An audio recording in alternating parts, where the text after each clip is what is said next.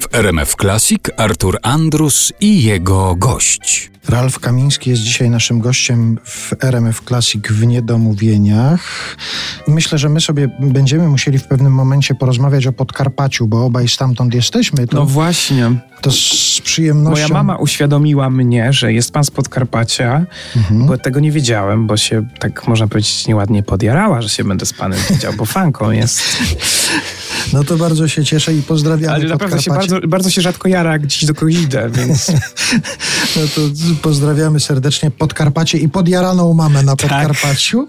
E, o Podkarpaciu sobie jeszcze porozmawiamy. Pan powiedział w pewnym momencie naszej rozmowy, że zdarzają się takie komercyjne propozycje, żeby coś tam komercyjnego zrobić, a potem sobie ktoś uświadamia, że to, co pan robi, jest może zbyt trudne, zbyt oryginalne, żeby w takich typowo komercyjnych przedsięwzięciach brać udział, ale może ktoś po prostu sprawdził, ile osób śledzi pana twórczość, ile osób chociażby klika i odtwarza teledyski z pana piosenkami. To są milionowe odsłony. To nie jest tak niszowa publiczność. Znaczy ja powiem panu, że mimo wszystko ja uważam, że już przy tym projekcie jestem komercyjny. Czasami wydaje mi się, że te osoby, które tak można powiedzieć nieładnie rządzą tą komercją w naszym kraju, troszeczkę nie rozumieją tego, że ta komercja może być różnoraka, że my też jakby wykorzystując czasami niekonwencjonalne metody, tak trochę staramy się, nie wiem, edukować, czy też tak wkładać ten kij w mrowisko, żeby to było takie nie do końca wygodne, różne, niefajne. I ja na przykład, no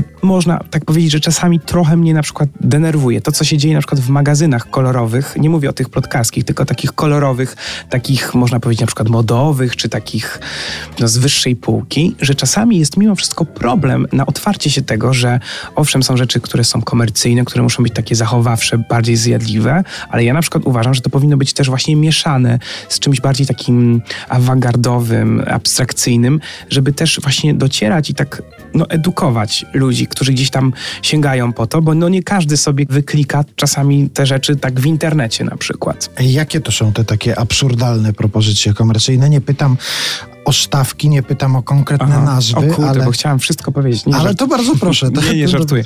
Tak naprawdę no, pojawiają się właśnie bardzo fajne komercyjne propozycje też. No i jeszcze na przykład do Tańca z Gwiazdami mnie nie zaproszono. Pana na pewno już parę razy, prawda? Dwa razy, ale potem... Ale był pan, bo tak, no nie... Nie, nie byłem, bo osoby, które mi to proponowały z produkcji już śmiały się na samym etapie proponowania A, czyli to miałby, miałby pan być takim obśmianym żartem w tym. To No, prawdopodobnie no chodziło było o no to, żeby mieć kogoś, kto się nie potrafi ruszać i a to może byśmy się zdziwili. Też się boję tego, No. żebym się mógł zdziwić. Ja właśnie tak się zastanawiam. Ciekaw jestem właśnie, gdybym, gdybym na przykład poszedł do takiego programu. W ogóle tak sobie myślę, Boże, ile to trzeba czasu poświęcić. Ale miałem na przykład taki, z takiej bardzo komercyjnej stacji.